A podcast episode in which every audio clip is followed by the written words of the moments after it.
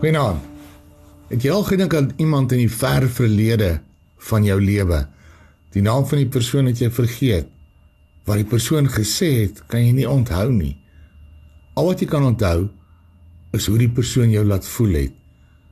Nee, hierdie persoon kan enige iemand wees, 'n laerskoolliefde, onderwyser, vriend of wie ook al.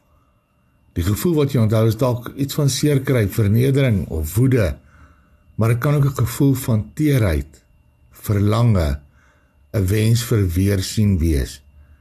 Dit het jou lewe gevorm. Jy onthou dit. So dink aan die mooi dinge en voel die verskil wat dit nou aan jou doen. Daardie eerste liefdesbriefie geskryf, die opgewondenheid van jou eerste besoek of afskraak of sal ons maar die woordjie date gebruik, die afwagting van toenadering, die eerste wenwedstryd. Die gevoel sal jy nooit vergeet nie. En tog het jy ook ander vriende gemaak. En as 'n gesin weer ander. Met elke omstandigheid word nuwe gevoelens geskep en jy besef dat jy steeds gevorm word en nie alleen is nie. En Job sê vir sy vriende in hoofstuk 6: "Self is ek tot niks in staat nie. Ek weet nie meer raad nie. Wie meer lyde met 'n vriend beskou as 'n las, het eerbied vir die Almagtige verwerp.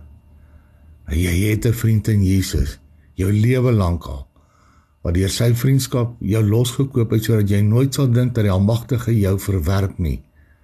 Hy het medelee getoon en hy sal met jou wees vir die res van jou lewe.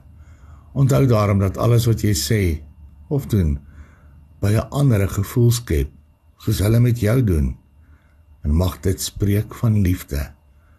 Mag jy met 'n lekker gevoel vanaand jou nagrus ingaan want die Here is by jou. Amen. Nag sê Here